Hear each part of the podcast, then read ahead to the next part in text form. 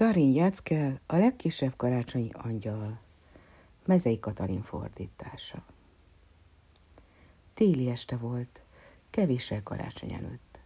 Egész nap havazott, de alkonytájt elfújta a felhőket a szél. A holdvilágos csillagos ég, mint egy hímzett terítő, úgy borult a föld fölé.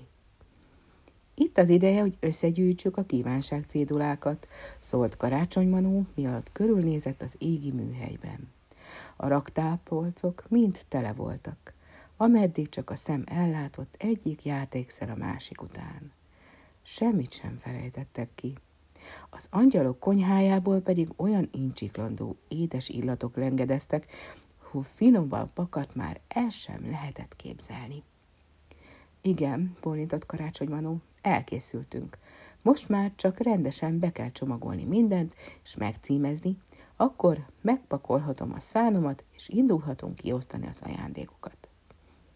A kis karácsonyi angyalok egész esztendőben erre a pillanatra készültek.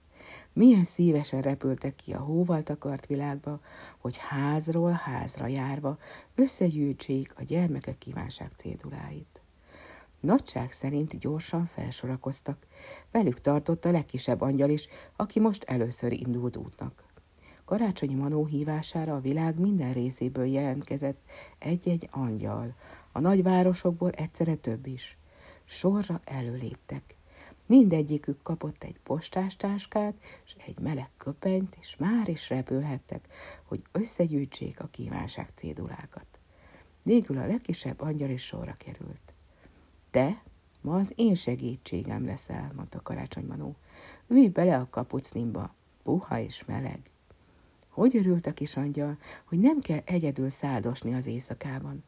Gyorsan kényelembe helyezkedett a meleg kapucniban, és csak akkor nyitotta fel ismét a szemét, mikor Karácsony Manó a hófelhőhegy tetején lefékezte sítalpait. Megérkeztünk, hallotta Manó mormogását, s mindjárt kíváncsian körülnézett lábai előtt egy falu nyújtózkodott. Aludni látszott a vastag hótakaró alatt, még a falu szökő kutya is felhagyott a csabogással. Hosszú jégcsapok lógtak csövein. Látod a borítékokat az ablakokban? kérdezte Karácsonyi Manó, és síbotjával az egyik kivilágított négyszögre mutatott. Valóban, ott lapult egy piros boríték. Fenyőágat rajzolt rá valaki, így címezte meg nagybetűkkel. Karácsonyi Manónak az égi műhelybe. Szedd össze mindenünnen a borítékokat, s dobd be a postás táskádba, mondta mosolyogva Karácsonyi Manó, s útjára indította a kis angyalt. Én addig bejárom az istálókat, hogy megtudjam az állatok kívánságait.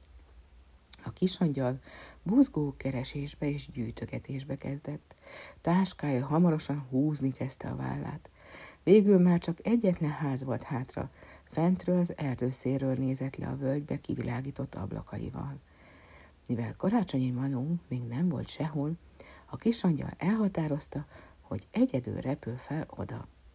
De teletáskával a vállán ez nem is volt olyan könnyű feladat. Nagy nehezen odaért, de alig, hogy elvette az ablakdeszkáról a kívánságlistát és beledugta a táskájába, elvesztette az egyensúlyát, és fencezett a hóba. Ott feküdt rövid kabátkájában, haja, szeme, szája fehér a hótól, és ott hevert körülte sok szétszóródott kívánság cédula is. A kisangyal jól megrándította a lábát, de most nem törődött vele, Ilyetten kapkodta össze a ha- havon hánykódó leveleket, és gyorsan megszámolta őket. Mind gyorsabban mozogtak az ajkai. Újra és újra végigment rajtuk, arca már égett az idegességtől, de hiába egy levél hiányzott. Kicsordultak a kis angyal könnyei. Eszébe jutott az a gyerek, aki emiatt nem kapja majd meg az ajándékait, és eszébe jutott az is, hogy karácsonyi Manó milyen harangos lesz. Olyan keservesen sírt, hogy még a gyerekek építette hóember jeges szívét is megdobogtatta a részvét. Szemem széncsillagai neked világítanak. Ó, hogy milyen havas lett aranyos angyal hajad, dünnyögte a nagy piros orra alatt a hóember, és izzani kezdő szemeivel fénycsóvát bocsájtotta behavazott kertre. A kisangyal nagyon megijedt, mikor a termetes fehér figura megelevenedett előtte a holdfényben. De mikor rájött, hogy segíteni akar, örömében tapsolni kezdett és felkiáltott. Világosabban, kedves hóember, világosabban! A szénszemek sajnos túl kicsik voltak ahhoz, hogy erősebben világíthassanak. A hóember ekkor összeszedte minden erejét, és ezt mondta. Gyertya csonkja, adj világot, havas éjben vessél lángot. És már fel is lobbant a gyertyaláng azon a piros gyertyacsonkon, amit a hóember orra helyére tűztek a gyerekek. Ekkor látta meg végre a kisangyal, hogy ott fekszik a levél egy mélyedésben. Újongó örömmel dugta vissza postás táskájába, két karját fehér jó barát nyaka köré fontas megkérdezte. Hogyan köszönjem ezt meg neked? A hóember a mind kisebbé olvadó gyertyacsong fényében elmosajodott. Nekem van köszönni valóm, kisangyal, megmelengedted jég szívemet. Mégis köszönjük a segítséget, szólt közbe a karácsonyi manó, aki már jó ideje figyelte őket észrevétlenül, és most előlépett a sötétből. Nélküled nagyon boldogtalan lett volna egy kisgyermek. A hóember zavartan hallgatott. Karácsonyi Manó ez alatt karjára vette a kisangyalt, és csapzott hajfürtjeit félre simított a kísért arcocskájából. Ahhoz képest, hogy először csináltad, nagyon jól végezted a dolgodat, mondta neki. De az biztos, hogy aki még olyan tapasztalatlan, mint te vagy, az nem röpködhet csak úgy segítség nélkül az éjszakában, hogy összegyűjtse a kívánságlistákat. Kisangyal elvörösödött, de mivel olyan barátságosan nézett rá a karácsonyi manó, vette magának a bátorságot, és így felelt. Nem engedhetnéd meg a hóembernek, hogy ezután is mindig segítsen a kívánságlistákat gyűjtő legkisebb angyalkának? Karácsonyi Manó végig simította a szakállát. Hmm, dünnyögte. Nem is rossz gondolat.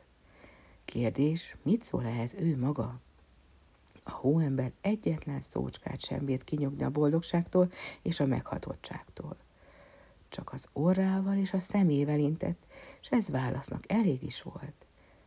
És amikor a karácsonyi manó kapucniában a kis angyallal, síléccel a mennyei kapu felé fordította, egy nagy fehér hóhengert takarította előtte simára az utat.